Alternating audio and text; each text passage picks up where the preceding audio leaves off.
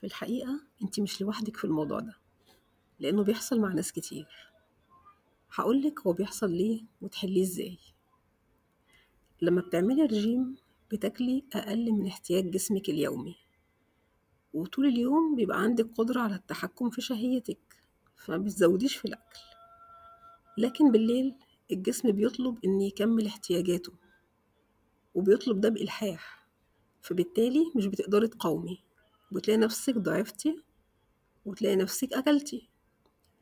واللي بيزوّد المشكلة دي إن الاحتياجات دايمًا اللي بتظهر بالليل بتتّرجم لأكل نشويات وسكريات، يعني كمان مش بناكل حاجات مفيدة.